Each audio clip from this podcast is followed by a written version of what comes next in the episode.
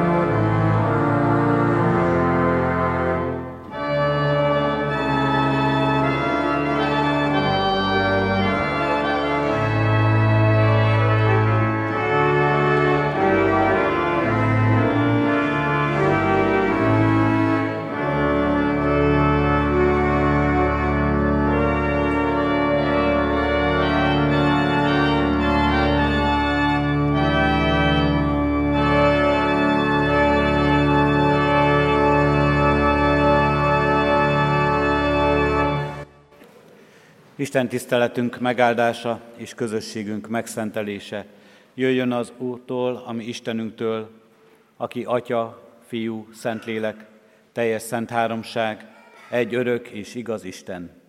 Amen. Hallgassátok meg testvéreim Isten igét, amely szól hozzánk és tanít minket.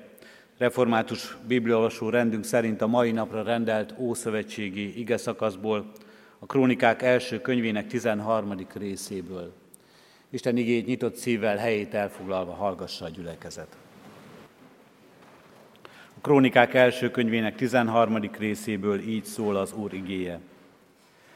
Dávid tanácsot tartott az ezredesekkel, századosokkal, valamennyi vezérével, majd ezt mondta Dávid Izrael egész gyülekezetének.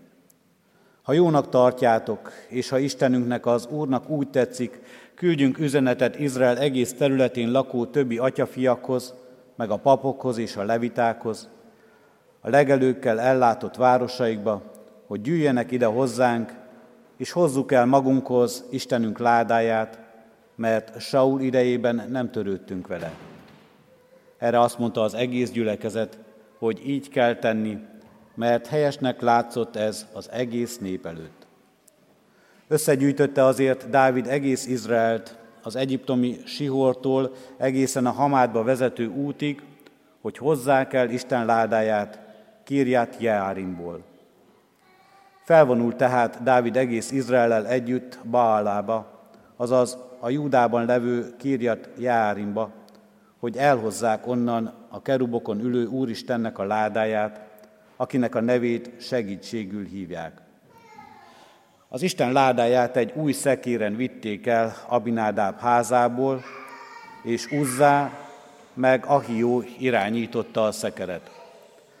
Dávid pedig és egész Izrael szent táncot járt Isten szín előtt, teljes erővel énekelve, citerák, lantok, dobok, cintányérok és harsonák kíséretében. Amikor Kidon szérűjéhez értek, Uzzá kinyújtotta a kezét, hogy megfogja a ládát, mert megbotlottak az őrök, az ökrök. Ezért fellángolt az úr haragja Uzzá ellen, és lesújtott rá, mivel kinyújtotta kezét a láda felé, és meghalt az Isten szín előtt. Dávid pedig megdöbbent attól, hogy az úr összetörte Uzzát. Ezért nevezik ezt a helyet Perec Uzzának mindmáig. Akkor félni kezdett Dávid Istentől, és ezt gondolta. Hogy merjem magamhoz vinni az Isten ládáját? Ezért Dávid nem magához vitette a ládát Dávid városába, hanem elvitette a Gáti Óbéd Edom házába. Három hónapig volt az Isten ládája Óbéd Edom családjánál, az ő házában, és megáldotta az Úr Óbéd Edom házát, háza népét és mindenét. Eddig Isten írt, írott igéje. Isten szent lelket tegye áldottá szívünkben, hogy lehessünk annak megértői és befogadói. Hajtsuk meg fejünket, imádkozzunk. Urunk Istenünk, megvalljuk előtted, és beismerjük. Bizony sokszor nem is értjük, fel sem tudjuk fogni, át sem tudjuk érezni, milyen nagy dolog, hogy előtted élhetünk, hogy veled közösségben lehetünk. Milyen nagy dolog az életünkben, hogy Te, a Szent, az Örökkévaló, a mindenható Isten arra méltatsz minket, egyen-egyenként is, és így ebben a közösségben is, hogy kijelensd az akaratodat, hogy megmutasd önmagad, hogy megértesd velünk igazságodat, hogy találkozz velünk. Urunk Istenünk, ad, hogy most beletekintessünk ennek mélységeibe és magasságaiba, hogy beletekintessünk ennek tágasságába, és bár felfoghatatlan, átfoghatatlan, megérthetetlen és megérezhetetlen, mit is jelent, Urunk Istenünk, mindez, de ad, hogy mégis valami ebből most az életünkben megvalósuljon. Egészen közel jöjj hozzánk Te, a mindenható, az örökkévaló, a végtelen Úr, és be tudjunk fogadni téged igéden keresztül, igéd igazságán keresztül, és szent lelked által. Ezért kiáltunk hozzád, Urunk Istenünk, mi, akik arra vagyunk méltóak, hogy összetörettessünk előtted, hogy te most mégis emelj fel, és ölej magadhoz, és jelens ki magad nékünk, mint szerető mennyei atyánk. Hallgass meg, kérünk imádságunkat, tégy méltóvá minket, Urunk Istenünk, hogy halljuk, megértsük, életünkbe fogadjuk, és hirdessük a Te igédet. Amen. Ige hirdetésére készülve fennállva énekeljük testvéreim a 211. dicséretünket, a 211. dicséretünket, mely így kezdődik, Szent Isten, noha néked az egek ülőszéked.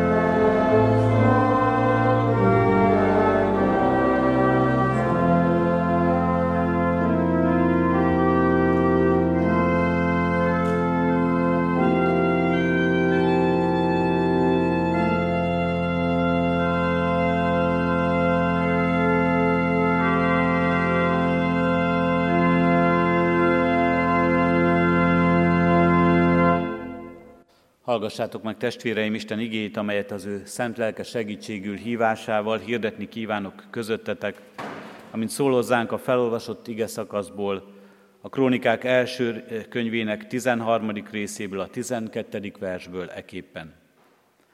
Akkor félni kezdett Dávid az Istentől, és ezt gondolta, hogy hozhatnám magamhoz az Isten ládáját. Eddig az írott igen.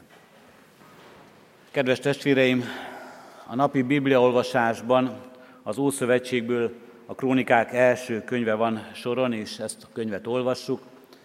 És hát nem nagyon tudok vitatkozni azokkal, akik olvassák napról napra így a Szentírást, és azt mondják, hogy eddig bizony egy kicsit nehéz volt, és unalmas is talán a Krónikák első könyvének eddigi részei, hiszen nagyon sok nemzetségtáblát olvashattunk, rengeteg név és név egymás után, hogy ki kinek a fia és fia, névsorok Dávidhoz csatlakozó katonákról, vitézekről, nemzetségekről, nemzetségfőkről, leszármazottakról, felmenőkről.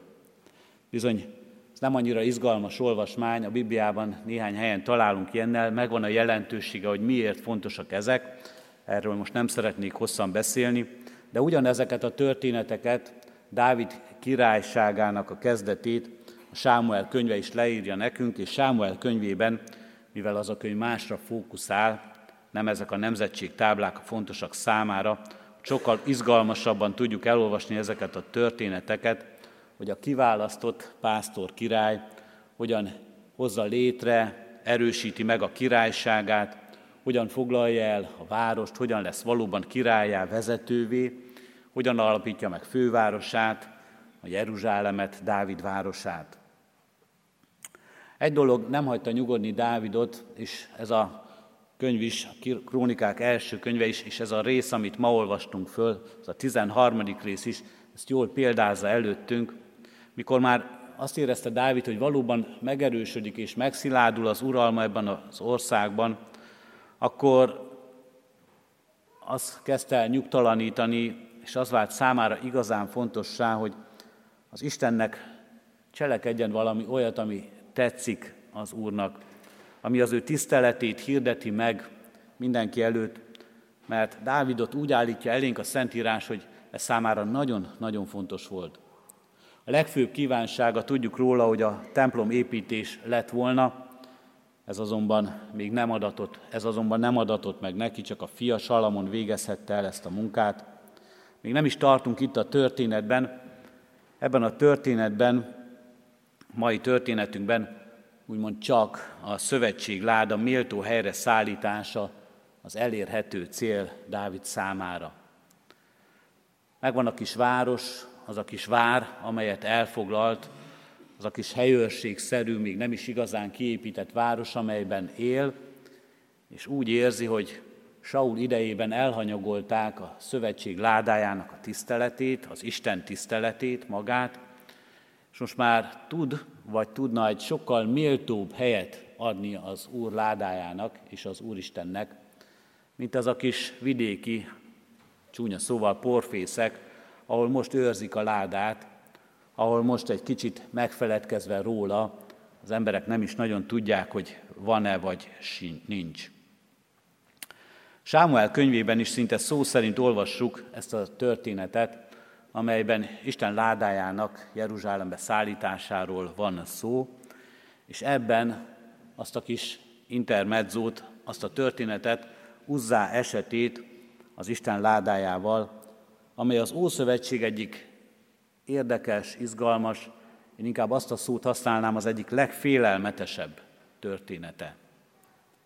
Részben azért is, mert ami mai modern fogalmainkkal nehezen közelíthető meg, az Isten félelmetes szentsége mutatkozik meg benne, abban, ahogyan Isten a maga öntörvényűségében, ha szabad ezt a szót használnunk, és nem értjük itt félre, az Isten a maga szuverén akarata szerint cselekszik és találkozik az emberekkel. Megláthatjuk ebben a történetben, hogy mi történik, amikor a halandó ember belül kerül egy tiltott körön, és valahogy egészen kiszolgáltatott módon szinte védtelenül találkozik össze a szent és a mindenható, az igaz Istennel. Uzá történetében a legnyugtalanítóbb azonban az, hogy talán a szívünk mélyén azt mondhatjuk, egyáltalán nem értjük, hogy mit is követett el ez az Uzzá. Nem találunk benne semmi kivetni valót, sőt, Isten ládája az apja házához került, gondoskodással és hódolattal vették körül ott az, abban a házban, és bizonyában ebben a szolgálatban jelen volt Uzzá is az ő testvérével együtt, részt vett egy aránylag rendes helyen, tiszta szobában tartották, kitakarították ezt a szobát, az oda érkező embereknek hódolattal mutatták talán meg ezt a ládát, vagy őrizték elrejtve és letakarva, és nem is tett semmi olyat ez az uzzá, ami emberileg nézve számunkra megkérdőjelezi az ő tisztességét, hitét, Isten imádatát. Azt olvassuk, hogy megbotlanak az ökrök, amelyek a szekeret húzzák, és valószínűleg a szekér is egy nagyot döccen, és a szövetség ládája, a fridláda megbillen ezen a szekéren, Uzzá pedig oda kap, hogy nehogy leessen ez a láda a szekérről, és ezután az Isten haragja fellángol Uzzá ellen, és ott szörnyet hal azon a helyen. Szinte megmagyarázhatatlan ez a történet. Elfogadhatatlan. Tuzá jót akart. Azt akart, hogy ne essen le ez a drága láda, amely sokkal több, mint egy aranyjal bevont akácfa láda, amely az Isten lakóhelye, hogy ez nehogy leessen a földre, összetörjön itt a szemük láttára, és féltésből és szeretetből és tiszteletből menteni akarja emberileg, ami menthető ebben a helyzetben. Ezért kell meghalnia. Ezért kellett meghalnia, mert oda kapott, mert ez a jó szándék ott volt benne. A történet középpontjában egyébként nem Uzzá áll, hanem az Isten ládája, a szövetség láda, a Frid láda, amely egy nagyon titokzatos dolog. A mai napig is nagyon izgatja az emberek fantáziáját, hogy hogyan is nézett ki ez a láda, milyen erővel bírt, hogy valóban az Isten szentsége hogyan töltötte be, és hogyan töltötte el a környezetét. Filmet készítenek róla, próbálják megtalálni ezt a ládát, amely elveszett, nem is tudjuk, hogy van vagy nincs, sok ezer év távlatából, sokféle legenda terjed róla, hogy hogyan őrzik valahol a világban. Minket nem is ez érdekel itt, ebben ne találgassunk, hanem az, ahogyan erre a ládára akkor ott tekintettek. Az Isten jelenléte a népek között, ezt szimbolizálta ez a láda. Azt olvassuk Mózes könyvében, ott jelenek meg neked, a földérről beszélek veled, a láda fedeléről, a két kerub közül, amelyek a bizonyság ládáján vannak. Ott jelenek meg neked, és onnan beszélek hozzád, tanít Mózes, tanítja Mózest az Úristen. Istennek, a Szentnek a jelenléte, amint az meg tud jelenni ebben a világban, ott jelenik meg, ahol ez a láda van az emberek számára. Azt is mondja majd az Úristen, amikor a szent sátrat készítik el, vidd oda a függöny mögé a bizonyság ládáját, és a függöny válassza el néktek a szent helyet a szentek szentjétől. Volt a szent hely, a sátor, és azon belül is még a szentek szentje, amelyet egy elválasztott egy függöny, majd később a templom ugyanezt példázta, és ugyanígy választotta el ez a függöny. Nemrég olvastuk a feltámadás történetében, nagypéntek történetében a kárpit, amely akkor ketté hasadt, választotta el a szentet, a szentek szentjétől, egy még szentségesebb helytől, ahol a fridládát, az úrládáját őrizték. És később Mózes rendelkezéseiben az is le van írva a leviták feladatával kapcsolatban, hogy hogyan kellett a láda körül viselkedni, ki mehetett oda, ki hogyan érinthette meg, vagy ki hogyan lehetett a jelenlétében. Ha el kellett vinni valahonnan valahova, akkor hogyan és milyen rendszerint, tisztasági eljárások és egyéb részletes leírások vonatkoznak arra nézve, hogy hogyan kellett ezt a ládát tisztelni, szállítani, hogyan kellett a közelében viselkedni. Fontos figyelmeztetés ez, azt olvassuk szintén Mózes rendelkezéseiben, miután Áron és fiai elvégezték a szentének és a szentély egész földszerelésének a letakarását, a tábor elindulásakor, menjenek oda Kehát fiai, és ők vigyék azokat. De ne érintsék a szent dolgokat, mert akkor meghalnak. A ládát nem is érintették, hosszú rudakat toltak be azokba a gyűrűkbe, amik tartották, és ezekkel a ruá, ruda, ezeken a rudakon keresztül kellett a levitáknak szállítaniuk a ládát. Végig olvasva ezt a körülményes beszámolót, ami mind erről szól, a sátor elkészítéséről, a láda elhelyezéséről, a láda szállításáról, azt látjuk és azt tapasztaljuk, hogy mindent úgy kellett csinálni, hogy az Úristen ezt aprólékosan elrendelte és leírta. Így volt, így nézett ki a láda, így nézett ki a sátor, és így kellett történnie mindennek. A szent dolgokat, és így a ládát nem lehetett érinteni. Az első kérdés talán ez, hogy miért? Miért nem lehetett hozzáérni ehhez a ládához? Miért nem lehetett ehhez a, ezekhez a szent dolgokhoz hozzáérni? Valóban valamilyen varázs erő volt ezekben.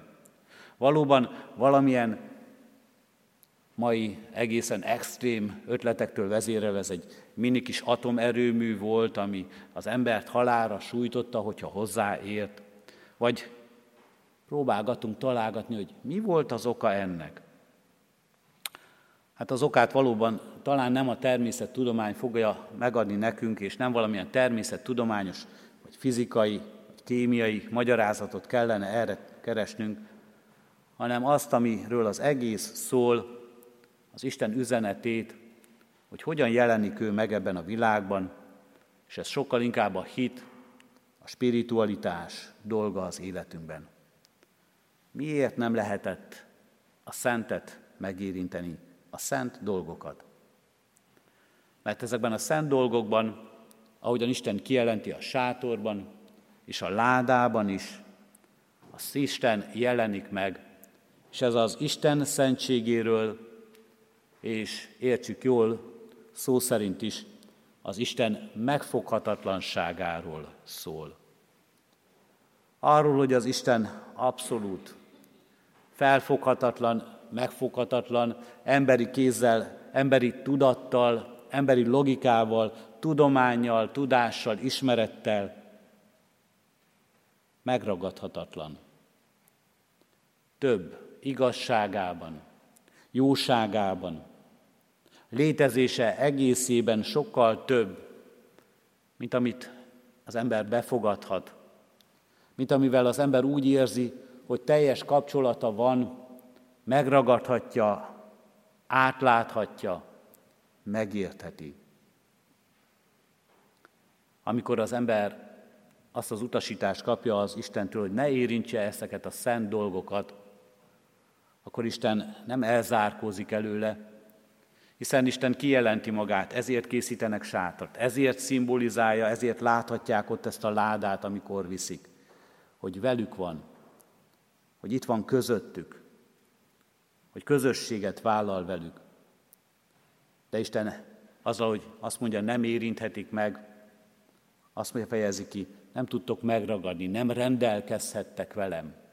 Nem csinálhattok azt velem, amit akartok. A szentség valami olyasmi, ami az Isten teljességében és önmagában valóságát mutatja meg számunkra. És azt mutatja meg, hogy az Isten nem értünk van. Mi teremtmények vagyunk, és az Úristen a teremtő. És az Isten önmagában, ebben a világban, önmagában is elég ez az egész világhoz. Ő nem a mi szükségeink kiszolgálásáért jön és létezik. Nem állíthatjuk azt, nem állíthatjuk őt önmagunk szolgálatába, semmilyen szolgálatba. És valahol itt csúszott el Izrael népe, ezt felejtette el, vagy nem értette meg, vagy ennek a megértését nem őrizte meg nemzedékről nemzedékre, Mózestől Dávid koráig. Jó lehet, Isten több esetben is, éppen a ládában is a népe előtt halad, és Isten ládája a harcaikban úgymond segíti őket, ott van, és azt látják, hogy akkor győzedelmeskednek, amikor Isten jelen van és segítségül hívják, akkor sikeresek a dolgaik, akkor áldás van rajtuk, de most éppen arról van szó, hogy azért kell visszahozni az Isten ládáját, mert valamikor a filiszteusokhoz került. Mert a filiszteusok elrabolták azt. Mert az Isten volt egy olyan helyzet, amikor nem adott győzelmet Izraelnek a filiszteusok ellen. És akkor, akkor az Isten ládája eltűnt közülük.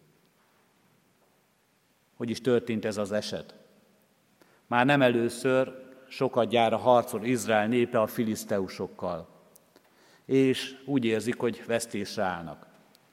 És akkor kitalálják, úgy olvassuk Sámuel könyvében, a hadinép visszavonult a táborban, és Izrael vénei ezt mondták, miért veretett meg ma bennünket az Úr a filiszteusokkal? Hozzuk el ide Silóból az Úr szövetség ládáját, Jöjjön közénk és szabadítson meg bennünket ellenségeink kezéből. Ezt mondják a nép vénei a hadi tanácsban a vitéz férfiaknak. Jöjjön ide az Úristen az ő ládájában. Jöjjön ide az Úristen közénk, és szabadítson meg minket, és verje meg az ellenségeinket. Kicsit pökhendi módon és gőgösen ez az Isten dolga, hiszen ezt vállalta a szövetségben. Szövetséget kötött velünk, mi vagyunk a választott népei, kiválasztott minket, hát most már védjen meg. Jöjjön ide közénk, jelenjen meg közöttünk az ő ládájában, és szabadítson meg, és adjon győzelmet. Ezt szeretnénk. Erre van szükségünk. Ezt kell az Istennek tennie. Mennyire más ez a gondolat, mennyire más ez az érzés, ami a nép véneit itt jellemzi, mint az, amikor Dávid találkozik Uzzá történetével, amikor ő szól, hogyan hozhatnám magamhoz az Isten ládáját. Jöjjön ide az Úristen az ő ládájában, védjen meg és szabadítson meg minket. Ez a dolga az Úristennek. Vagy Dávid csodálatos, döbbenetes kérdése, szinte tanácstalansága, hogyan hozhatnám magamhoz az Isten ládáját. Izrael vénei, amikor a filiszteusokkal küzdöttek, akkor tudni vélték erre a választ, hogyan? Hát egyszerűen. Elküldjük a vitézeket Silóba, megfogják a ládát, idehozzák a táborba, és majd itt lesz közöttünk az Isten is. És majd itt lesz velünk az Isten is. Majd mi mozgósítjuk, majd mi bevetjük, mint valami csoda fegyvert, majd mi felhasználjuk, mert elhozzuk, mert megragadjuk, mert idehozzuk közénk. És azután később a történelmünkből, amikor Dávid a láda hazahozatalát gondolja, akkor mit látunk? Dávid nem érti, hogy mi történik. Dávid rádöbben, hogy nem ő rendelkezik, még csak a ládával sem, nem hogy az Úristennel. Még a láda sincs igazán a birtokában, még a kézzel fogható sem lehet az ember hatalmában. Kedves testvérek, gyakran mi sem teszünk egyebet, mint a szolgálatunkba akarjuk állítani a szentet, az Úristent, a szentet, akit meg sem érinthetünk. A szentet, aki mindenható, aki örökkévaló, aki mindenben több és nagyobb, mint mi vagyunk, akinek mi csak a teremtményei vagyunk, aki előtt egykor még az embernek az arcát is el kellett takarnia. Láthatatlan és kimondhatatlan a neve, és megismerhetetlen, mert nincs neve. Ezt a szentet az ember újra és újra megpróbálja, mint valami használati tárgyat használni, kezébe venni, megragadni, irányítani, felhasználni a saját céljainkra, felhasználni úgy és akkor, amikor mi akarjuk, máskor pedig eldobni, elhagyni, hátat fordítani neki, amikor úgy érezzük, hogy nincs rá szükségünk.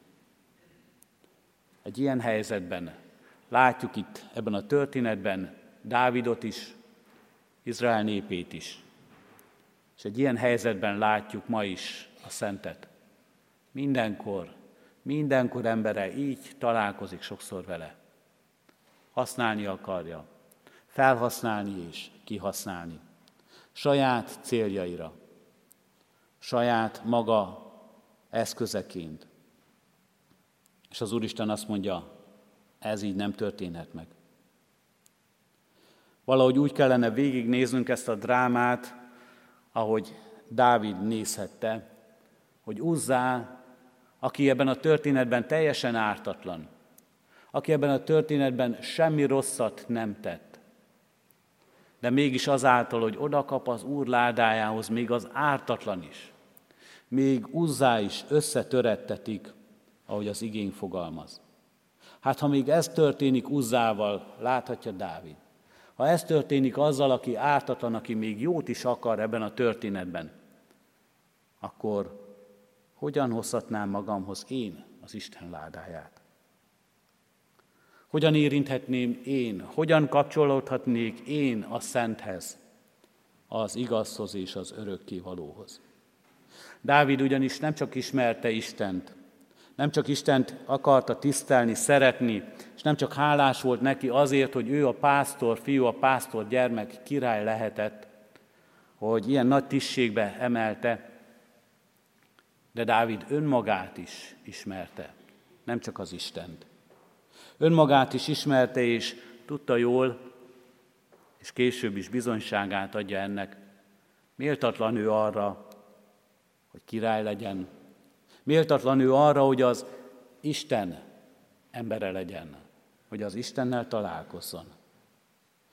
Őszintén látja gyarlóságát és esendőségét az, aki így fogalmaz a Zsoltárban, vétekben fogantattam, és bűnben nevelt engem az én anyám már kicsin gyermekségemtől kezdve. Méltatlan vagyok arra, hogy a szent és az igaz Isten valamilyen, bármilyen módon is az életem része legyen. Hogyan hozhatnám én magamhoz az Isten ládáját? És akkor félni kezdett Dávid az Úrtól. Félni kezdte az Urat, félni kezdett az Úrtól. Tisztelet, szeretet és hála volt a szívében, és ugyanakkor az a rettenet, hogy mi lesz, ha ez a végtelen, ez a mindenható Isten megjelenik az ő ítéletében. Mi lesz, ha a legnagyobb jó szándékkal is mégiscsak úgy látom, hogy nekem kell majd megmenteni az Istent. Mégiscsak úgy érzem, hogy nekem, nekem a feladatom az, hogy az Isten dolgát helyre tegyem. Ahogyan Uzzá így érezhette. Kedves testvérek, a legnagyobb jó szándékkal láthatjuk sokszor magunkat ebben a helyzetben. Így állunk.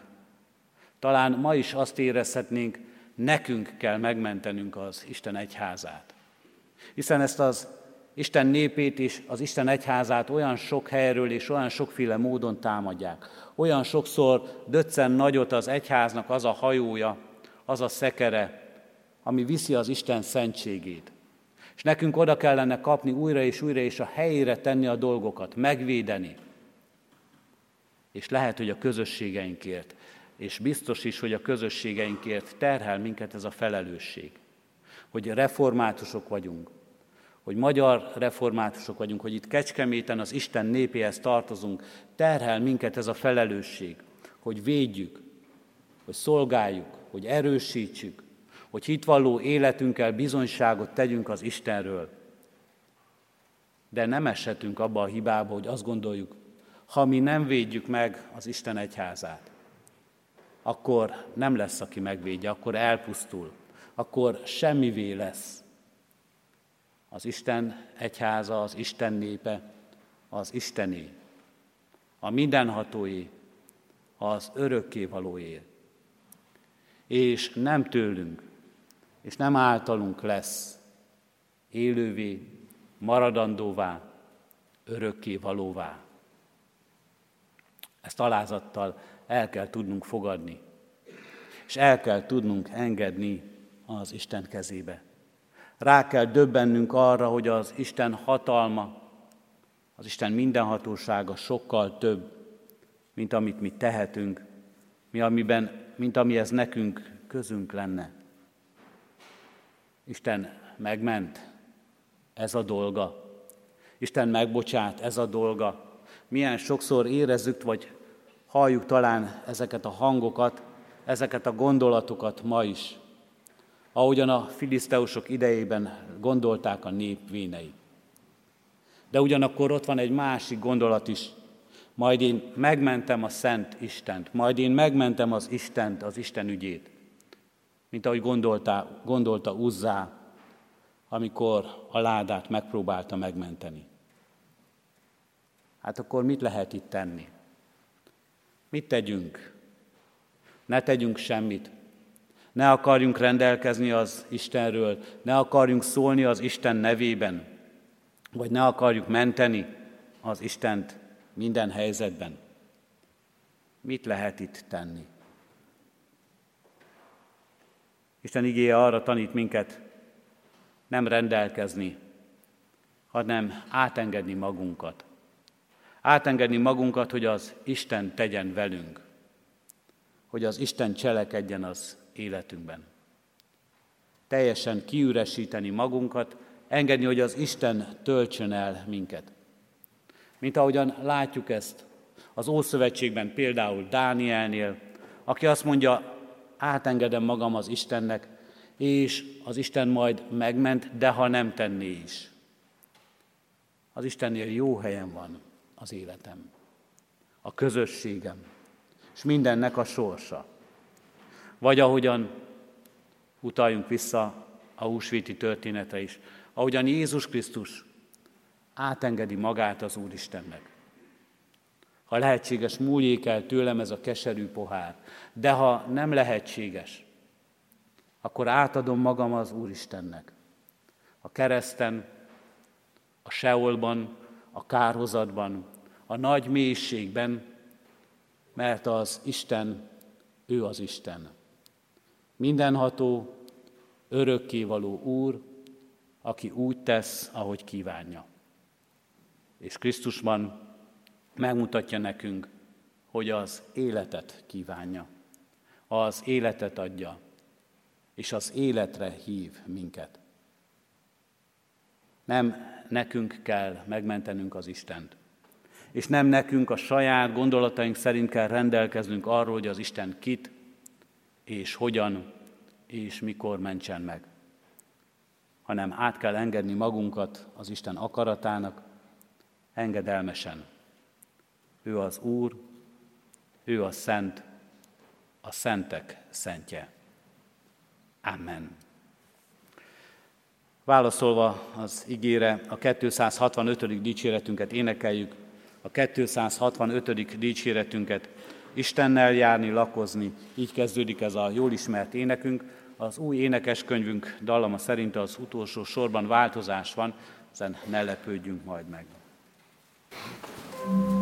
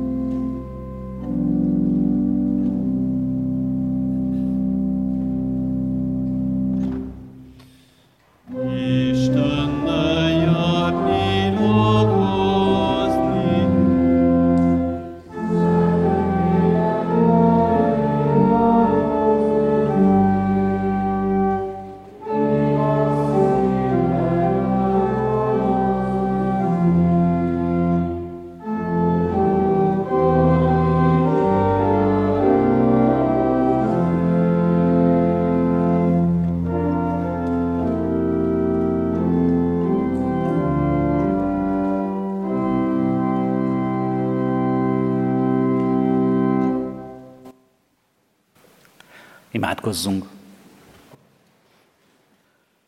Urunk, alázattal magunkat egészen megnyitva előtted, jövünk előd, eléd. Köszönjük, Urunk Istenünk, ha beletekinthetünk azokba a csodákba, amit jelent ez a teremtett világ, és a teremtett világban jelent, Urunk, a Te jelenléted. Köszönjük, hogy jelen való Isten vagy. Itt vagy közöttünk, itt vagy velünk, találkozhatunk veled. Köszönjük, Urunk Istenünk, ha láthatunk téged az élet csodájának nagy magasságaiban. Állunk és magasztalunk az élet ajándékáért, a megszületett gyermekekért.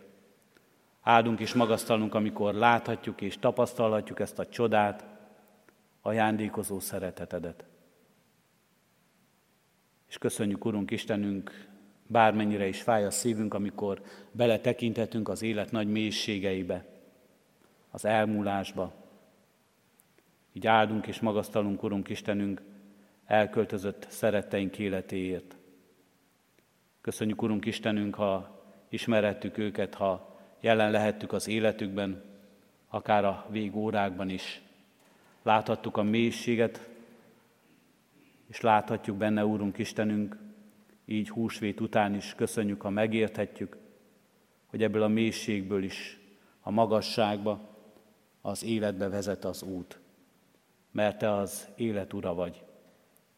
Így köszönjük, Urunk Istenünk, a legnagyobb csodát, amelyre minden vasárnap emlékezhetünk, és amelyre minden nap, minden perce emlékeztethetne minket a feltámadás ajándékában, az örök élet csodáját. Kérünk és könyörgünk, Urunk Istenünk, hogy így láthassunk Téged az életünkben.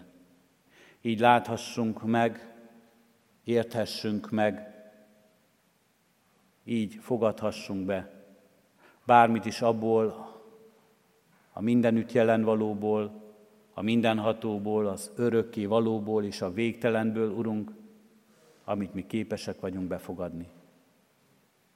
Köszönjük, hogy Te így küldöd el közénk a Te lelkedet, és lelked által érthetjük igédet, érthetjük meg önmagunkat, és érthetjük meg világunkat, és akaratodat.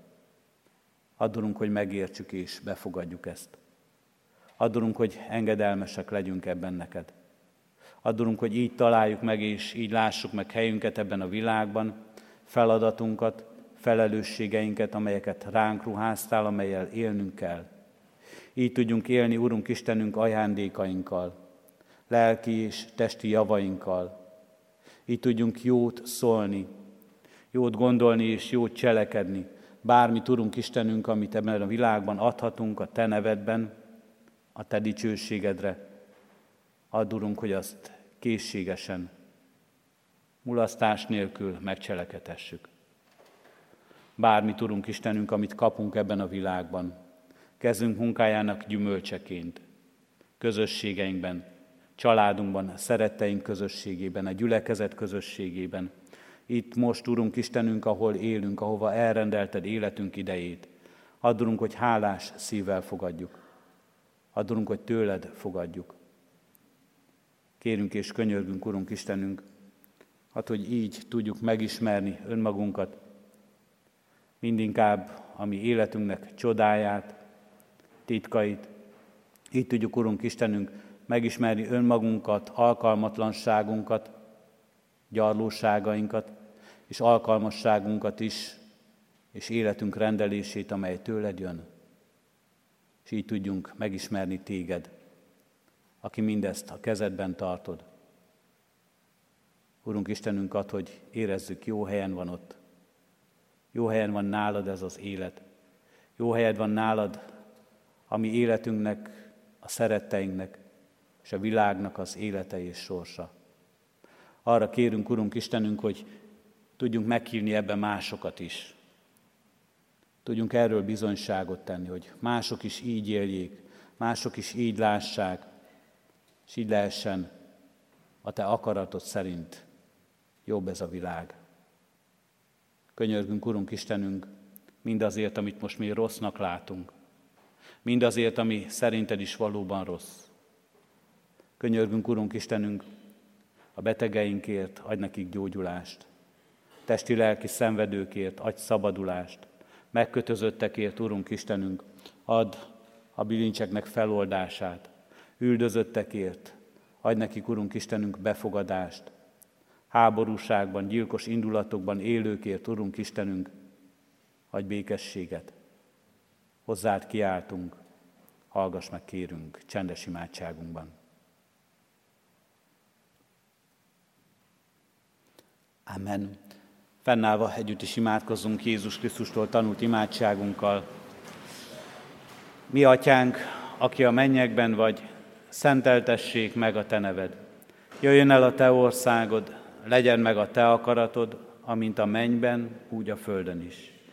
Minden napi kenyerünket add meg nékünk ma, és bocsásd meg védkeinket, miképpen mi is megbocsátunk az ellenünk védkezőknek. És ne vigy minket kísértésbe, de szabadíts meg a gonosztól, mert Téd az ország, a hatalom és a dicsőség, mind örökké. Amen. Az adakozás lehetőségét hirdetem testvéreim, mint életünknek és Isten tiszteletünknek hálaadó részét. Szívünkben alázattal Urunk áldását fogadjuk. Az Istennek békessége, amely minden értelmet felülhalad, meg fogja őrizni a ti szíveteket és gondolataitokat a Krisztus Jézusban. Amen. Foglaljunk helyet és néhány hirdetést hallgassunk meg. A hirdetőlapokat a kiáratoknál megtalálhatjuk. Kérjük, hogy vigyünk magunkkal, és vigyünk azoknak is, akik ma nem tudtak eljönni erre az Isten tiszteletre. A hirdetéseket ugyanígy megtalálhatjuk egyházközségünk honlapján is, az internetes oldalunkon, ott is tájékozódhatunk a ránk váró alkalmakról. Örüljünk az örvendezőkkel, háladással Hirdetem, hogy az elmúlt héten megkereszteltük Hajagos Zsolt, Kovács Sándor, Kovács Szilvia, Nemes István és Nemes Regina gyermekeket. Sírjunk a sírókkal, az elmúlt héten búcsúztunk Antal Imre, 92 éves, Borsos István 90 éves, Szabó József István 85 éves, Unyi Lajosné Jeskó Mária 93 éves, Papni Erdélyi Emma Terézia 71 éves, és Szubek Balázs 81 éves testvérünktől. Otthon egyéni csendességünkben emlékezzünk meg, adjunk hálát a megszülető életekért, és adjunk hálát azokért, akik eddig kísértek el bennünket életünk útján. Házasulandói jegyeseket hirdetünk, másodszor hirdetjük Pándi Szekeres Péter, Dániel jegyezte Matula Virág Zsófiát, Bán Péter jegyezte Beregvári Melindát, harmadszor hirdetjük Balog Ádám Olivér jegyezte dr. Ács Noémit. Isten áldja meg tervezett házasságukat. Adományok érkeztek az elmúlt héten, egyházfenntartó járulékon keresztül 191 ezer forint, Isten dicsőségére 80 ezer forint, a Petőfi Városi Szolgálatra 40 ezer forint, a Széchenyi Városi Misszióra 35 ezer forint, Sion házjavára 28 ezer forint, a Szőlőskert gyülekezeti újságunk kiadásának támogatására 27 ezer forint, és a rászoruló családok javára 10 ezer forint. Az Úr áldja meg a jókedvel adakozókat. Továbbra is hirdetjük és várjuk az adományokat, a céladományokat is. Ezeket befizethetjük eh, a pénz, gyülekezetünk pénztárába, vagy átutalással is rendezhetjük.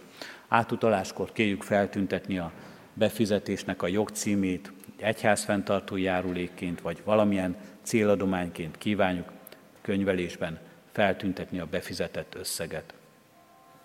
Hirdetem a testvéreknek, hogy április 23-án, vasárnap, mához egy hétre a Petőfi városban nem tartunk Isten tiszteletet. A Petőfi városi közösség minden tagját ide a templomba a 9 óra Isten tiszteletre hívjuk és várjuk. Gyülekezetünkbe látogat a Dédes Tapolcsányi testvérgyülekezet tagja, velük a Petőfi városi közösségnek van szoros kapcsolata, ezért közösen lesz itt a templomban az Isten tiszteletünk. A gyülekezet részekben újra indultak az Isten tiszteletek, a Széchenyi városban is, Petőfi városban is így a jövő hetet kivéve eh, tartjuk az Isten tiszteleti alkalmakat. Ez erről bővebben a hirdető lapon eh, kapunk tájékoztatást. Kérjük, hogy mindazok, akik megtehetik, adójuk kétszer egy százalékának felajánlásával támogassák a református egyházunk és a Kecskeméti Református Kollégium működését és szolgálatát. Az Úr legyen a mi gyülekezetünk őriző pásztora. A 190. dicséretünk éneklésével zárjuk Isten tiszteletünket, a 190. dicséretünket énekeljük, ti keresztjének, dicsérjétek Istent, így kezdődik az énekünk. thank you